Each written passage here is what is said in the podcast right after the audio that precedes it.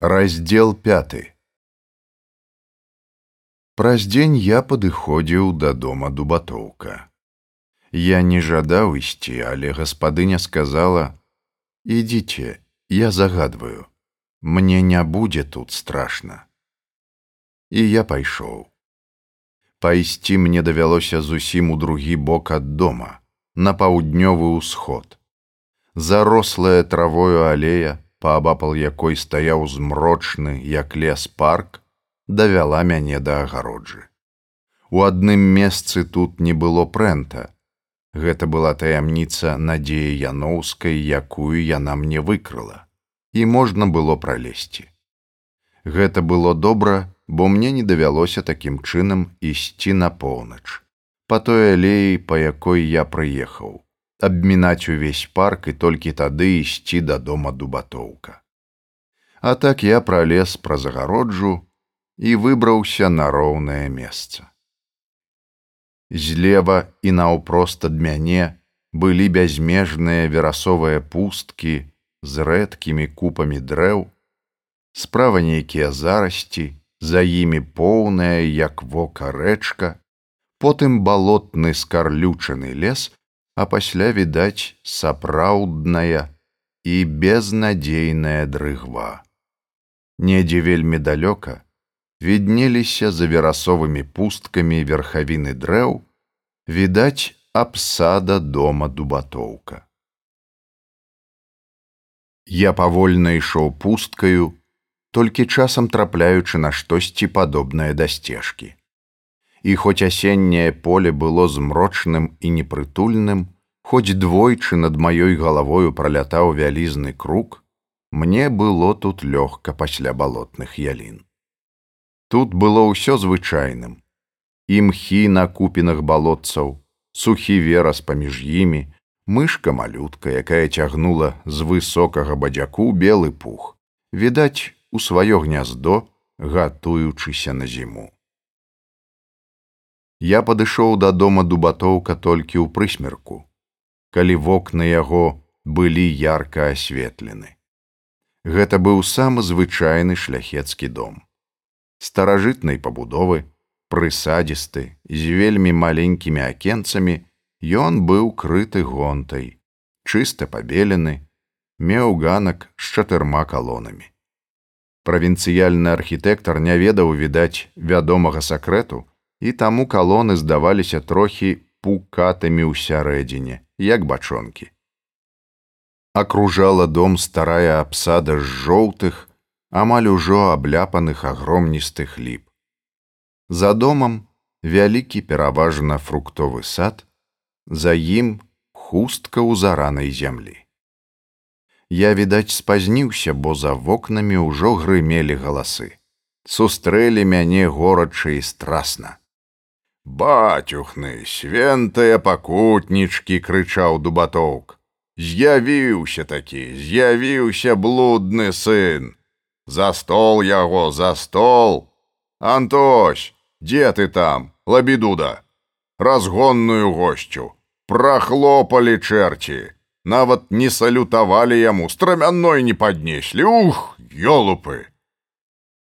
За сталом сядзела чалавек дзесяць, усё мужчыны знаёмыя мне былі толькі свеціловіч алесь варона і стахоўскі амаль усе ўжо былі даволі п'яныя і разглядалі мяне чамусьці з павышанай цікаўнасцю стол ламаўся ад страў відаць дубатоўк быў з мясцовых заможных шляхцюкоў заможнасць была аднак адносная есці і піць было што але пакоі, праз якія я ішоў, не вызначаліся багатым абсталяваннем.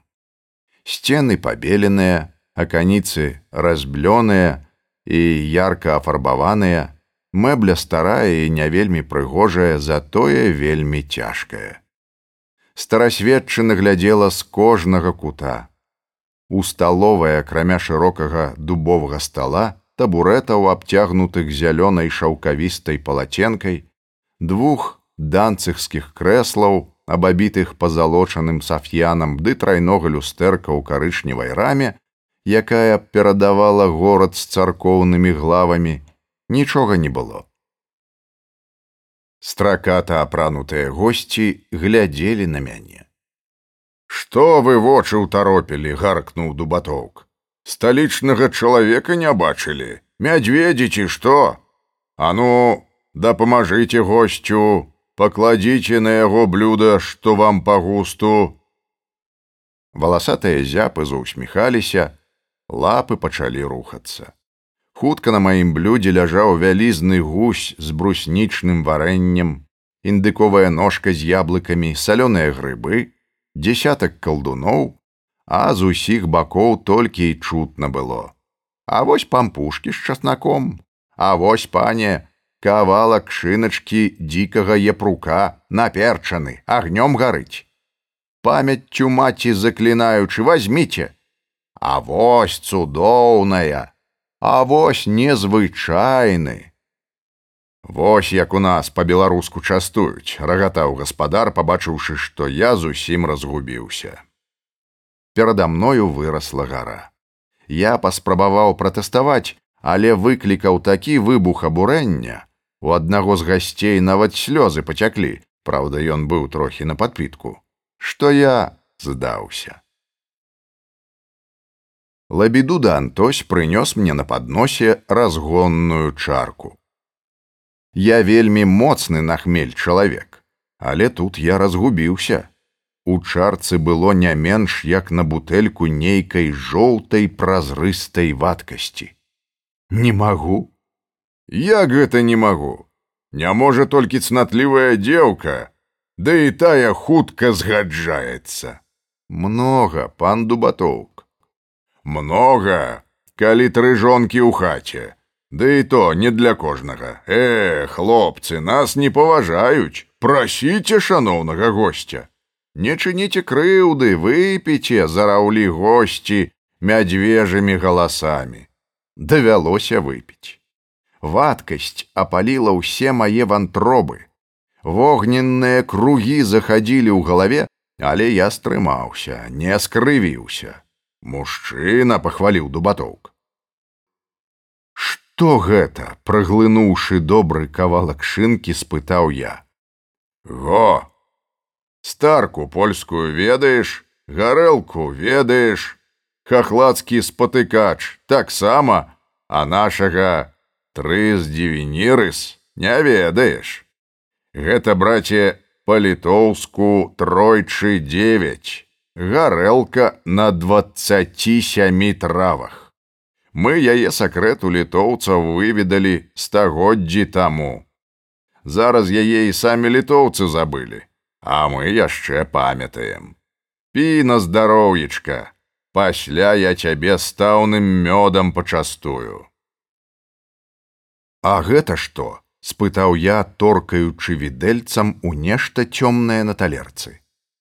Каханенькі ты мой, гэта ласіныя губы ў падсалоджаным воцаце. Еш, браце, сілкуйся. Гэта страва для волатаў. Продкі нашы зямля ім пухам не дурныя былі. Еш, абавязкова іх еш. А праз хвіліну, забыўшыся, што рэкамендаваў губы, крычаў: « Не, браце, ты ў мяне адсюль, не пакаштаваўшы холодных пірагоў з гусінай пячонкай не пойдзеш! Антось сюды! Падышоў антось з пірагамі. Я быў адмовіўся. Падай да госця ў ногі бі дурной галавою падлогу прасі бо госць нас крыўдзіць праз хвіліну я быў таксама на падпітку Вакол крычалі, спявалі, але я не забываў есці. Дубатоўк вісеў у мяне на плячы і дудніў нешта, што я не вельмі і слухаў. Пакой пачынаў разгойдвацца. А вып'ем чарку, А за ёй другую, роў нехта. І раптам я прыпомніў далёкі дом у яловым парку, бараду моху на дрэвах, камін сумную постач ля яго. Мне стало сумна. Я п'яная свіння, паўтараў я.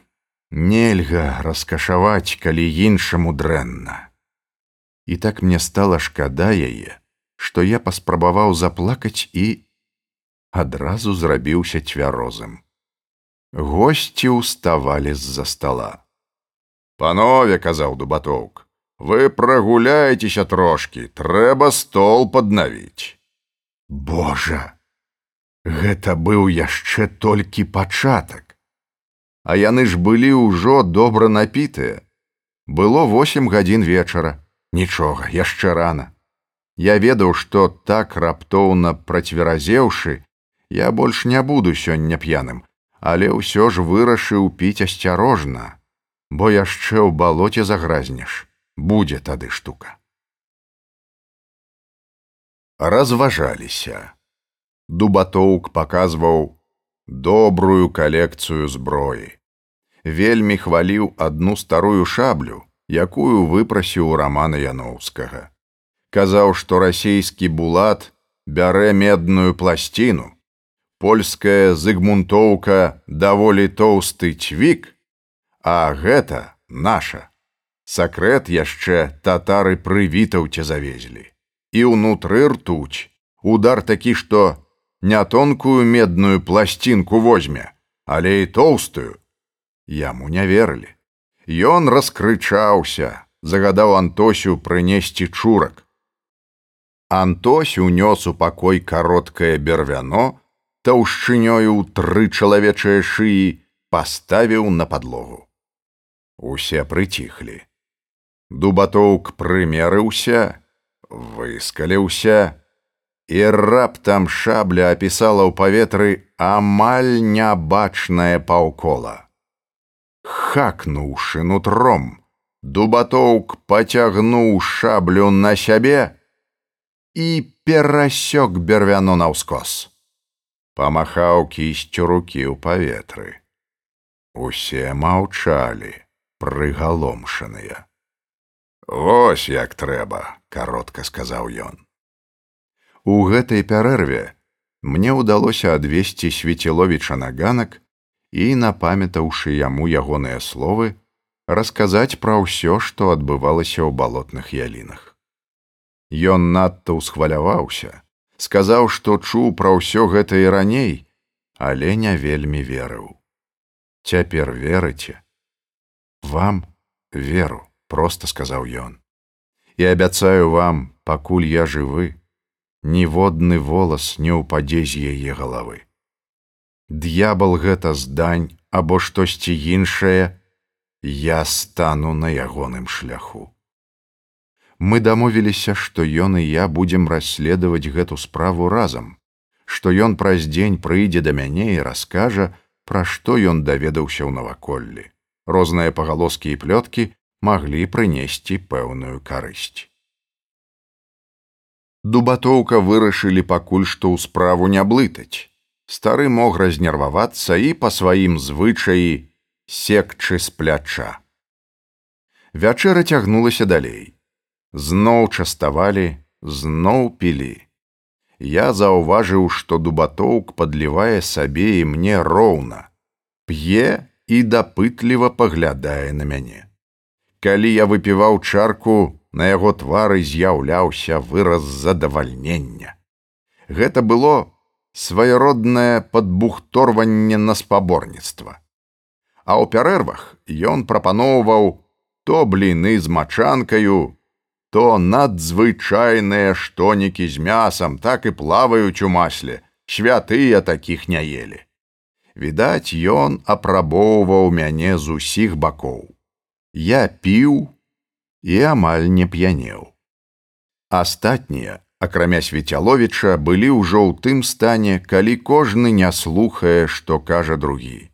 Калі твары чырвоныя, калі адзін спявае, другі расказвае сябру пра гісторыю з яго каханкай, трэці наддзіраецца, каб звярнуць увагу ўсіх на нейкі каларытны факт сваёй біяграфіі, а чацвёрты сам сабе распавядае, якая добрая ў яго была маці, і які ён п'янюга, і які ён ганебны, не варты такой маці сын. Спявалі, цалаваліся, Нехта выў: Мая жонка ў хаце, а я п'ю гуляю, карчмару вала, а душу д'яблу прапіваю. Другі цягнуў сваё. Раскажыце мне, добры людзейкі, дзе мой любы начуе. Калі ў дальняй дарозе, памажы яму Божа, як ваўдовачкі, на пасцеліцы, пакарай яго Божа, як ваўдовачкі, на пасцеліцы, хтосьці прыўзняў галаву ад стала і праспяваў свой варыянт апошняга радка. Памажы яму тожа. Усе зарагаталі. Між тым дубатоўк пакруціў галавою, як быццам адганяючы ачмурэнне, устаў і агаласіў: Я нарэшце знайшоў сярод маладых сапраўднага шляхціца. Ён піў сёння больш за мяне. Я адурэў, а ён свежы, як хмыз под дажджом. Вы ўсе тут не вытрымалі бы паловы гэтага. Девяць з вас ляжалі без ног, а адзін мыкаў.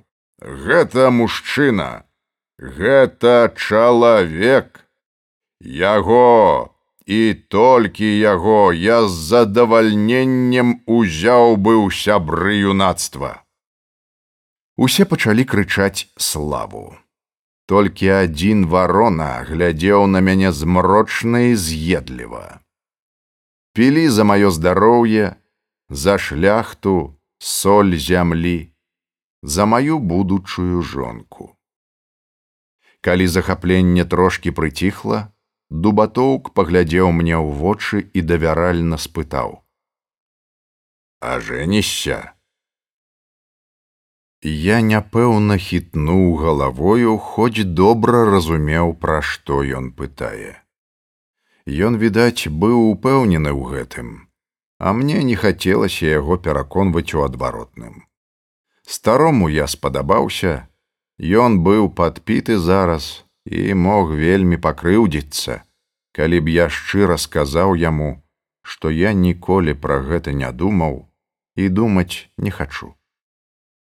Яна прыгожая замест адказу сцвердзіў дубатоўк і ўздыхнуў, адводзячы ў бок вочы. Хто спытаў я? Мая падапечная. Справа зайшла занадта далёка і больш круціць нельга было. Атрымалася б, што я скампраметаваў дзяўчыну. Я не думаў пра гэта, сказаў я. А каб нават і думаў, дык гэта справа не мая. Спыталі б перш за ўсё ў яе. Унікаеш сур'ёзнага адказу, раптам з'едліва працадзіў варона. Я не чакаў, што ён можа чуць нашу ціхую размову не хочаш проста і шчыра сказаць сур'ёзным людзям, што гонішся за грашыма, за радавітай жонкаю. Я збялеў. Імкнучыся трымацца спакойна адказаў: Я не збіраюся жаніцца. І наогул лічу, што размова пра дзяўчыну ў халастой падпітай кампаніі не пасуе сапраўднаму чалавеку. Заціхніце, пан варона. Не прыцягвайце ўвагі п'яных да бязвіннай дзяўчыны. Не псуйце яе рэпутацыяй. І я хоць гэта жахлівая абраза, дарую вам яе. Хо, сказаў варона. Ён мне даруе. Гэты кот, гэтае хамуйла. Замаўчыце, крыкнуў я. Як вы абражаеце яе адным з гэтых слоў, падумайце. Панове, панове супакойваў нас дубатоўк, варона ты п'яны. Думайце самі. Я спусціў вам аднойчы вашу правіну. Я не буду гэтага рабіць больш, прашипеў варона. Мярзотнік гаркнуў я шалеючы. гэта я так вы крыкнуў я так страшна што нават той хто спаў узняў галаву ад стола я прымушу вас замазаць глотку сталовы нож прасвісцеў у паветры і плазам стукнуўся мне ў грудзі я ўскочыў з месца схапіў варону за грудзі і трахануў.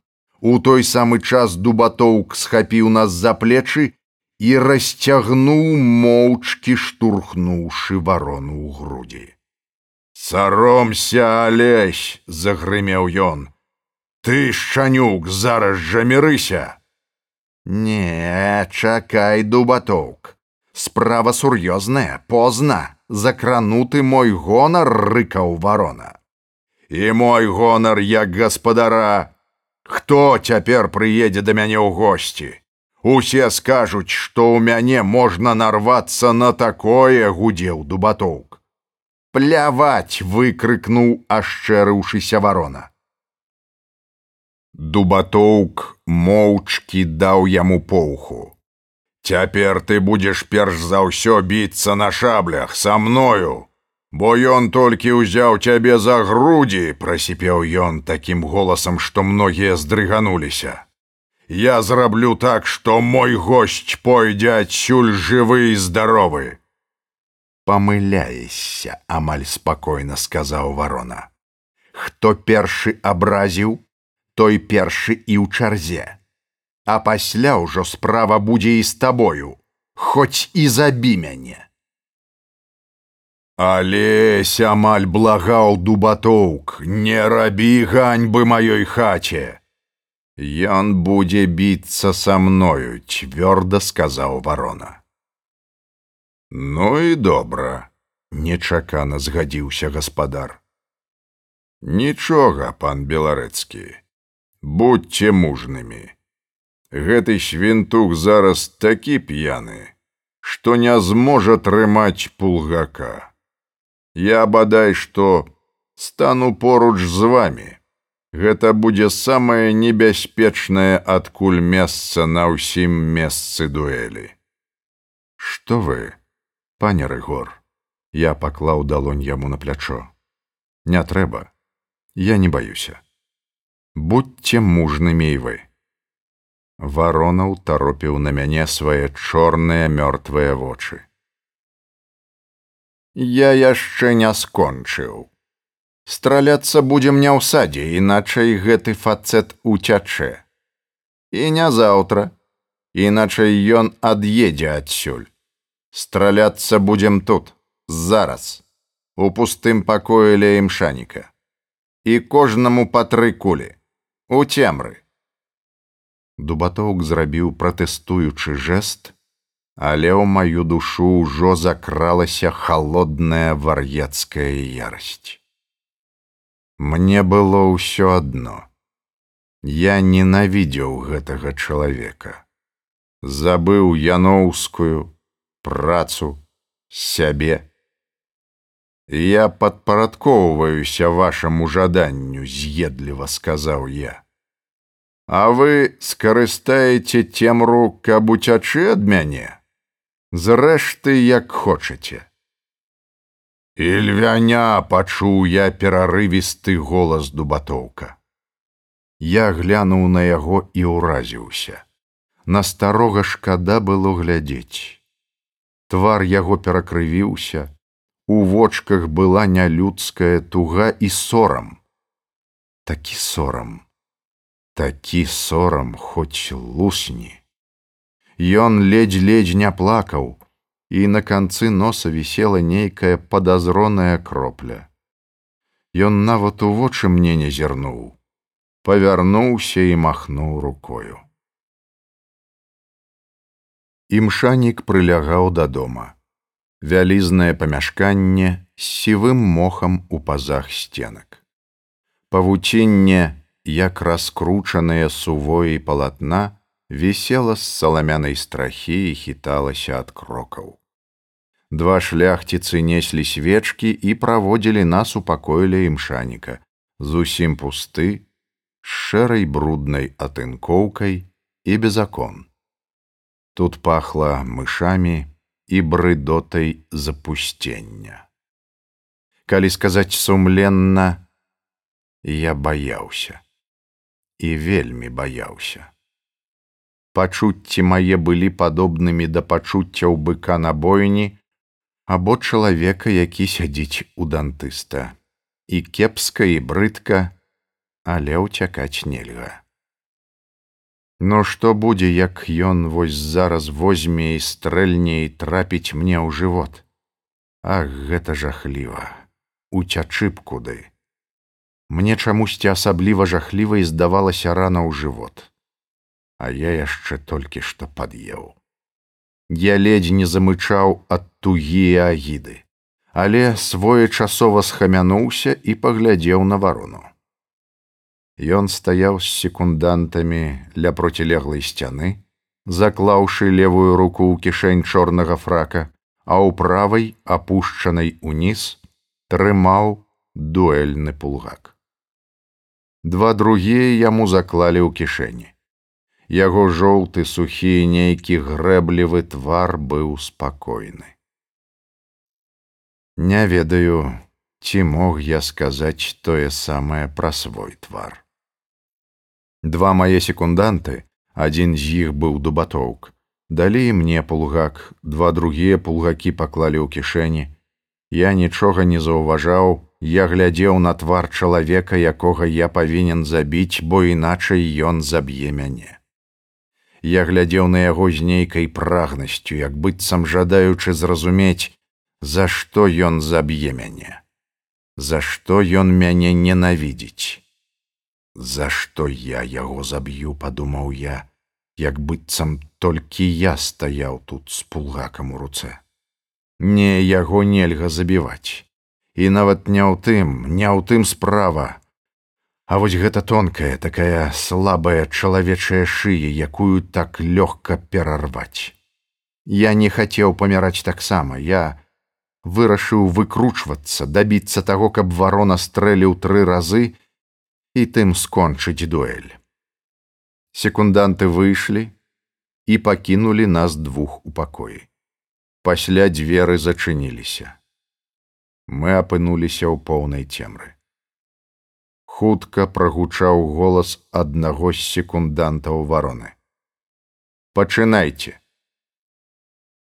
Я зрабіў левай нагою два крокі ў бок, і пасля асцярожна паставіў яе на ранейшае месца. Дзіўна, але ўсялякае хваляванне знікла. Я дзейнічаў як аўтамат, але так разумна і хутка, як ніколі не здолеў бы зрабіць гэта пад кантролем мозгу. Няслыхам, а хутчэй скурай я адчуваў прысутнасць вароны ў пакоі там, ля другой сцяны. Мы маўчалі. Зараз справа залежала шмат у чым ад таго, хто будзе больш вытрыманы. Палец мой так і імкнуўся хутчэй націснуць спуск. Успышка азарыла пакой. Не вытрымаў варона. Куля візганула недзе ў левым баку ад мяне, цокнулася ў сцяну. Я мог бы стрэліць у той момант так верна, як пры дзённым святле, але я не стрэліў толькі памацаў рукою тое месца, куды яна ўдарыла, а потым застаўся на тым самым месцы. Варона, відаць, не мог нават і падумаць, што я другі раз ужыў той самы прыём. Я чуў яго ўсхваляванае сіплае дыханне. Другі стрэл пулгака вароны аддаўся ў пакоі. І зноў я не страляў але стаяць больш на месцы не было маіх сіл, тым больш што я чуў. Варона пачаў красціся ля сцяны, а пасля здаецца ў мой бок. Нервы мае не вытрымалі. Я асцярожна пачаў кудысьці ісці. А цемра глядзела на мяне тысячамі пісталетных дулаў. Дула магло быць у любой кропцы.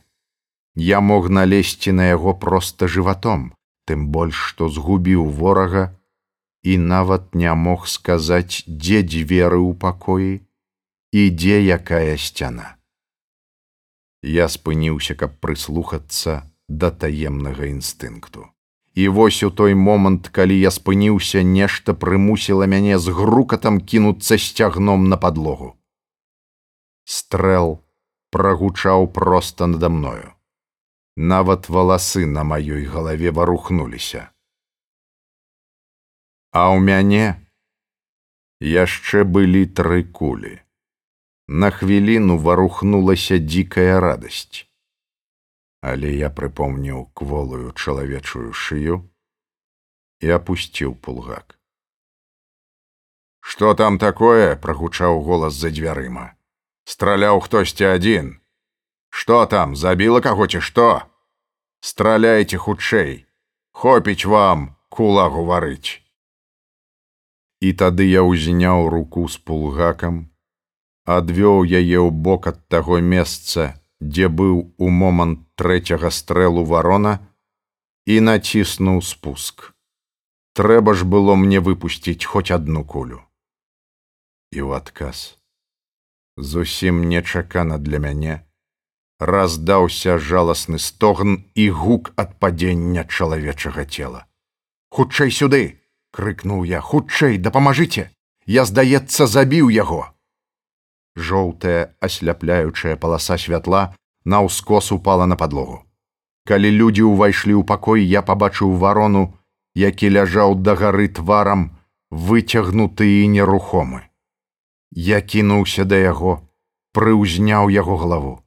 Рукі мае натрапілі на нешта цёплае і ліпучае. Твар вароны яшчэ больш пажаўцеў.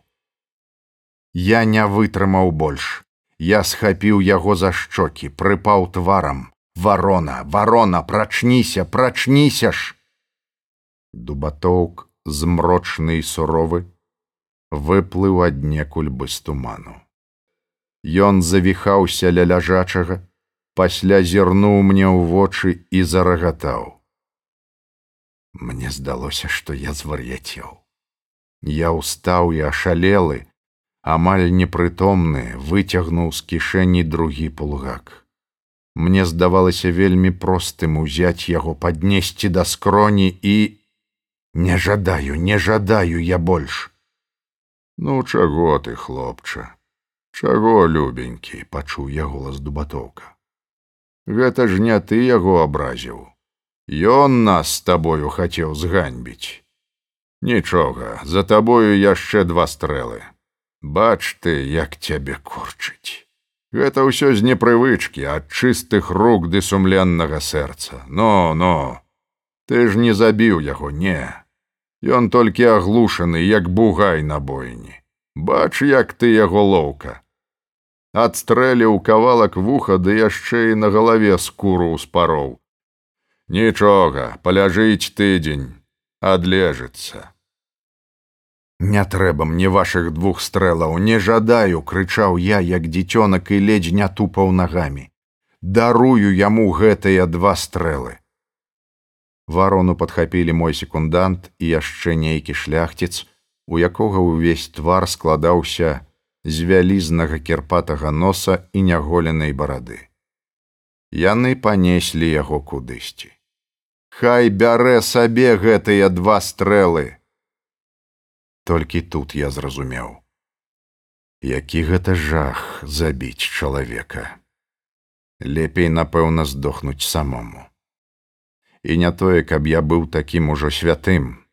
Зусім іншая справа калі такое здараецца ў сутычцы у бітве ў запале.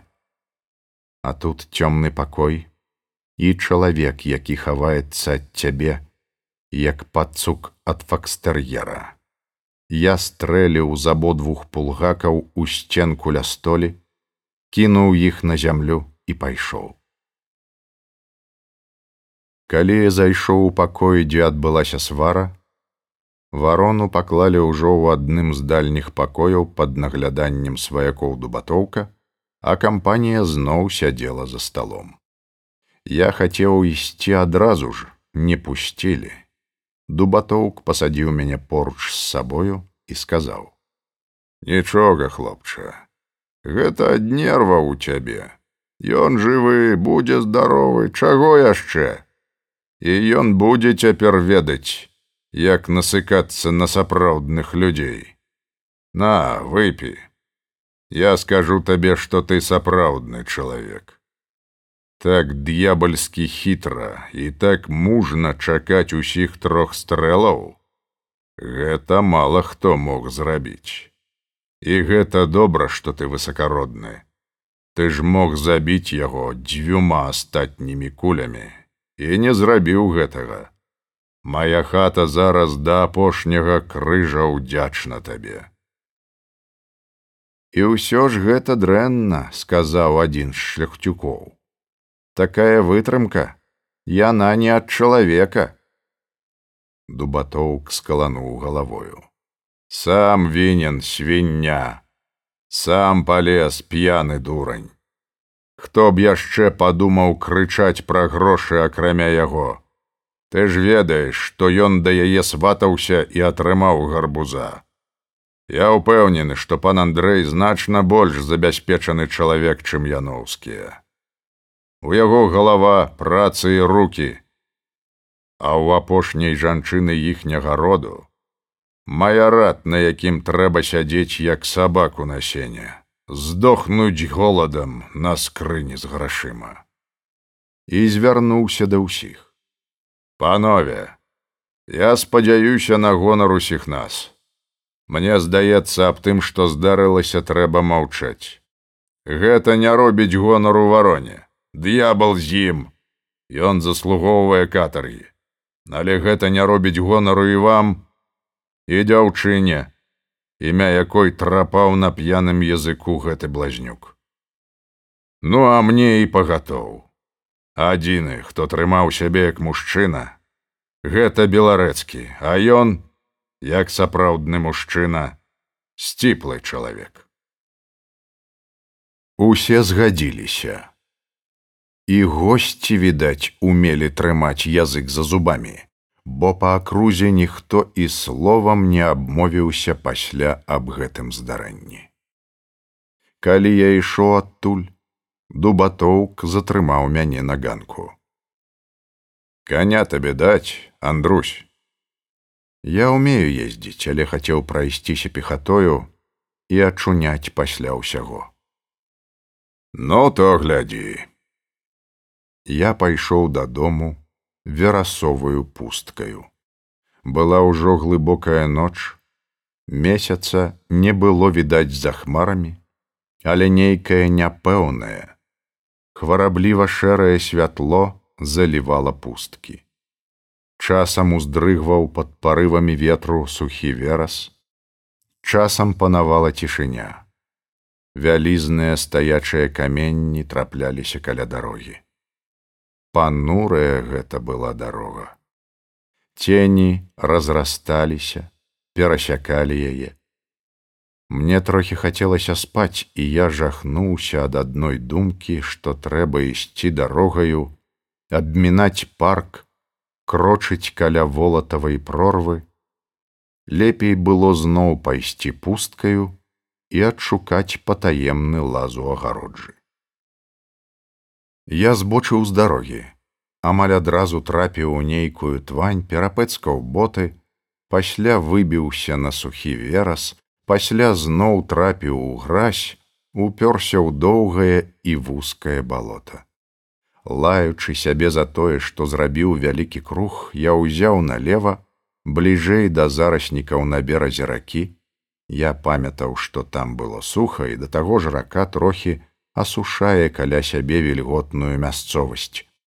Выбіўся хутка на тую самую сцежку, па якой ішоў да дубатоўка і апынуўшыся ў палове вярсты ад яго хаты, пайшоў ля зараснікаў у напрамку балотных ялін.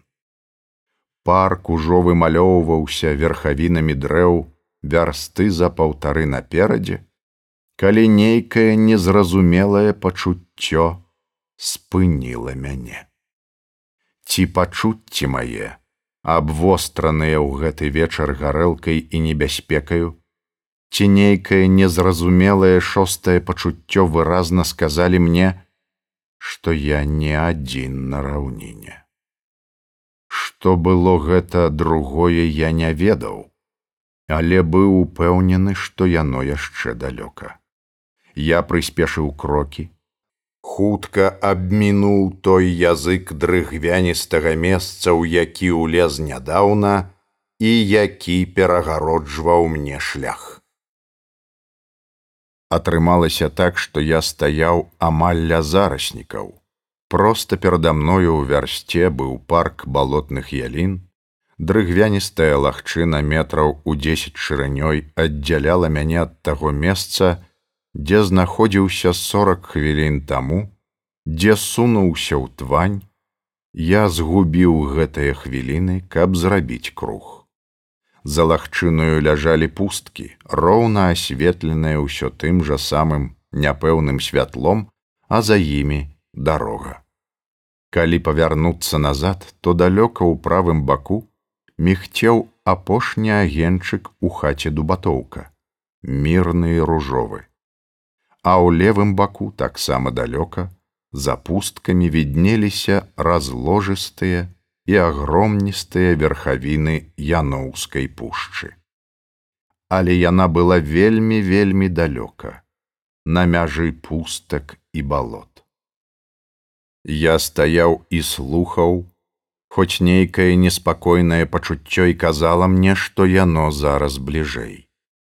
Я ж не мог паверыць у прадчуванні павінна была быць нейкая рэальная прычына для гэтага душэўнага стану. Я не мог нічога бачыць, лёгкі туман укрываў раўніну. Я нічога не чуў. Што ж гэта магло быць? Адкуль гэты сігнал? Я лёг на зямлю, прыціснуў да яе вуха, і праз палову хвіліны адчуў нейкае раўнамернае страсенне зямлі.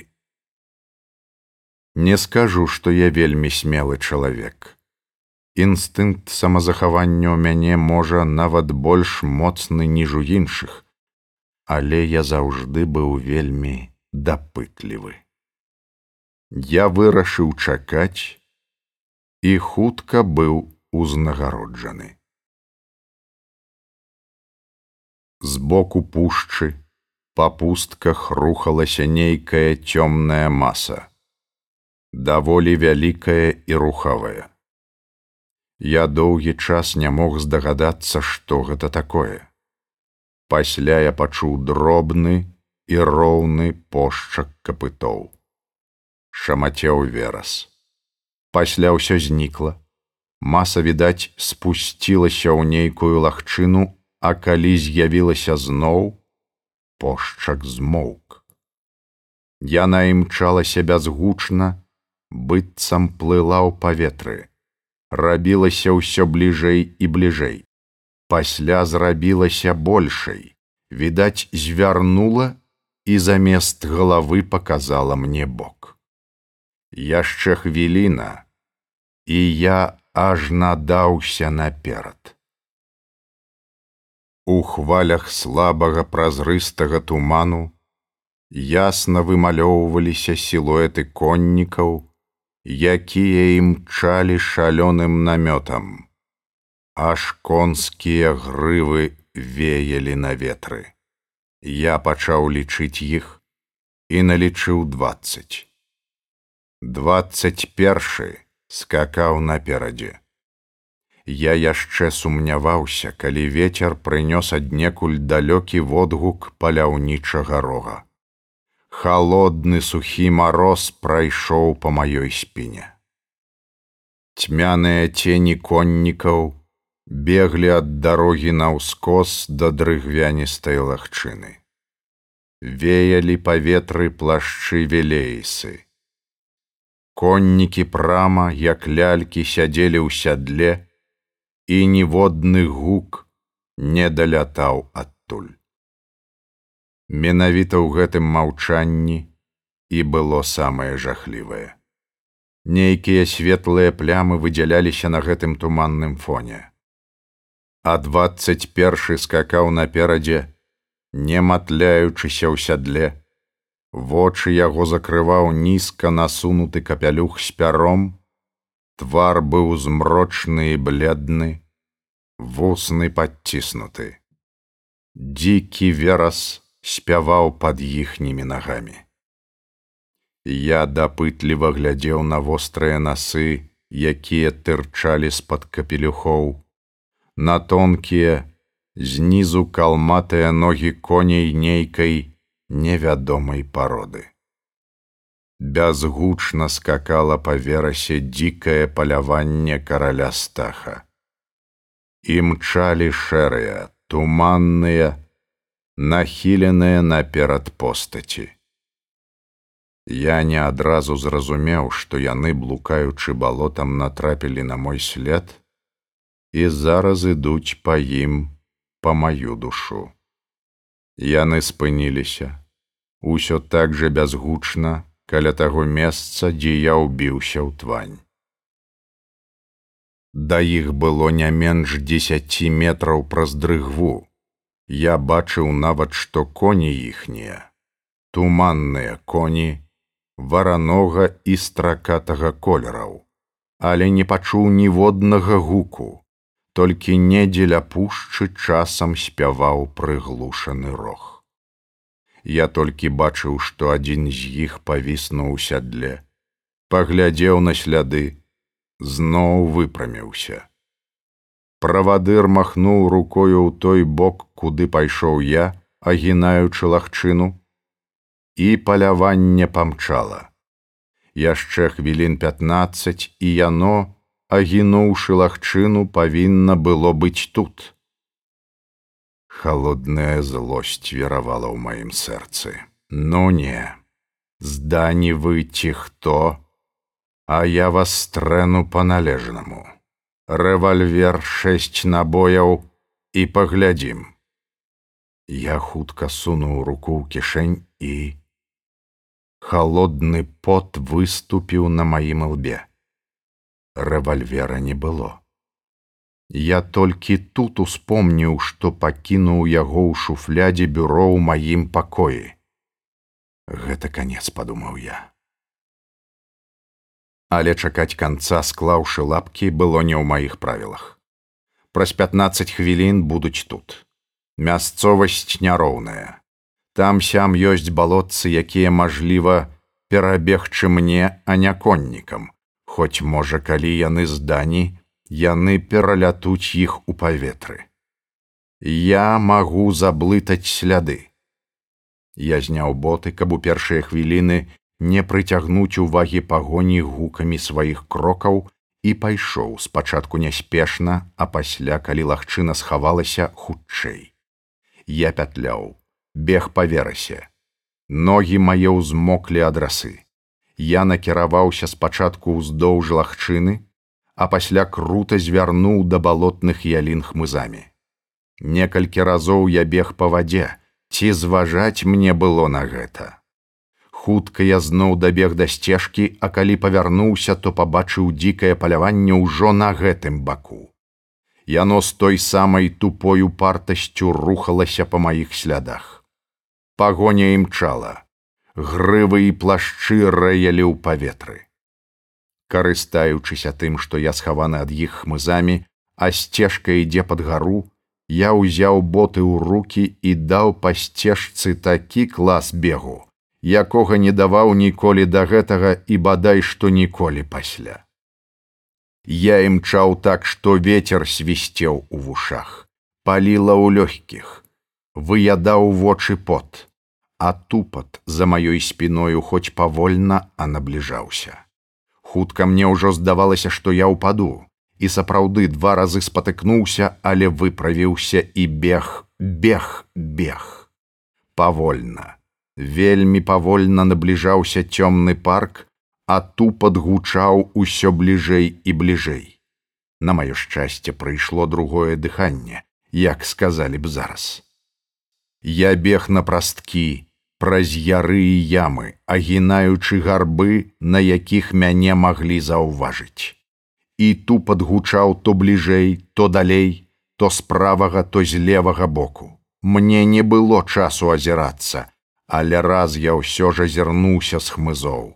Яны, людзі дзікага палявання ляцелі за мною ў малочным нізкім тумане. Коні іхнія распрасцёрліся ў паветры. Верас звінеў пад капытамі. Коннікі сядзелі нерухома, і над імі у лапіку чыстага неба гарэла самотная вострая зорка. Напружыўшы апошнія сілы, я скаціўся з горкі, перасек шырокую сцежку, скокнуў у канаву і пабег па дне, па вадзе канава набліжалася да агароджы. Я выскачыў з яе і адным скачком перанёсся да агароджы. Яны былі ў якіх-небудзь двадцаці сажнях ад мяне, але трохі замарудзіліся, і гэта дало магчымасць праскочыць у ледзь прыкметную дзірку і захавацца ў бэзе. На сцежцы было зусім цёмна ад дрэў, і таму, калі яны амаль бязгучна прамчалі паўз мяне, я не змог разгледзець іх. Але я добра чуў, як галаўны прастагнаў да прорвы. Дзікае паляванне памчала далей, а я сеў на зямлю. Сэрца маё калацілася, як хвост авечкі. Але я хутка ўстаў. Сядзець пасля бегу нельга, Я добра разумеў, што толькі атрымаў адтэрміноўку. Яны могуць хутчэй дамчаць навакольным шляхам дадома, чым я дайду да яго нацянькі і зноў пабег. Ногі мае былі збітыя да крыві. Двойчы я ўпаў, запнуўшыся аб карэнні. Лапы ялін сцябалі мой твар. Гмах палаца вырас перада мною зусім нечакана, і адначасова я пачуў пошчак капытоў недзе наперадзе. Яны зноў гучалі, яны грымелі так часта, што я скурай адчуваў. Яны імчаць неверагодна хуткім намётам. Я пайшоў ва банк. Я мог схавацца, але ў палацы была дзяўчына, якая зараз пэўна вельмі спалохалася. Я павінен быў быць там. Там была моя зброя. У некалькі скачкоў я спыніўся на ганку і затарабаніў у дзверы. Надзея раманаўна, надзея раманаўна, адчыніце! Крычаць было нельга. Яна магла абамлець ад жаху. А ляск капытоў быў ужо тут, на гэтае палове палаца. Я грукацеў. Дзверы адчыніліся раптоўна. Я ўскочыў у залу, моцна прыпёр дзверы і хацеў быў кінуцца за зброяй, але праз ваўчок пабачыў, што туманныя коні прамчаліся далей і зніклі за павароткай алеі. Я глянуў на яноўскую, якая стаяла ўражаная маім выглядам, глянуў у люстру і жахнуўся. Увесь падзёрты, пашарпаны, з крывёю на руках, са скалмачанымі валасамі стаяў і дзіка глядзеў на мяне мой двайнік. Я зноў глянуў на яноўскую. Бледная з мёртвым тварам яна закрыла вочы і спытала: « Верыце вы зараз у дзікае паляванне караля стаха. Зараз веру змрочна сказаў я. І вы не пабаяліся адчыніць мне дзверы ў такі момант маленькае мужнае сэрца. У адказ яна разрыдалася. Пані беларэцкі, пан Андрэй, Андрэй, я так баялася, так баялася за вас. Божа, Божа, Божа, Хоць бы ўзяў ты толькі мяне адну руки мае сціснуліся ў кулакі. Пані надзея, я не ведаю, здані гэта ці не.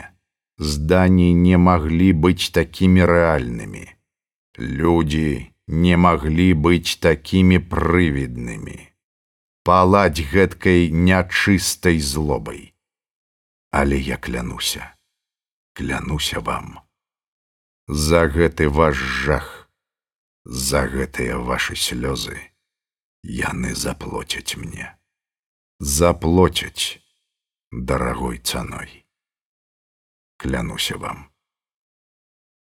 недзе далёка заміраў часты пошчак конскіх капытоў.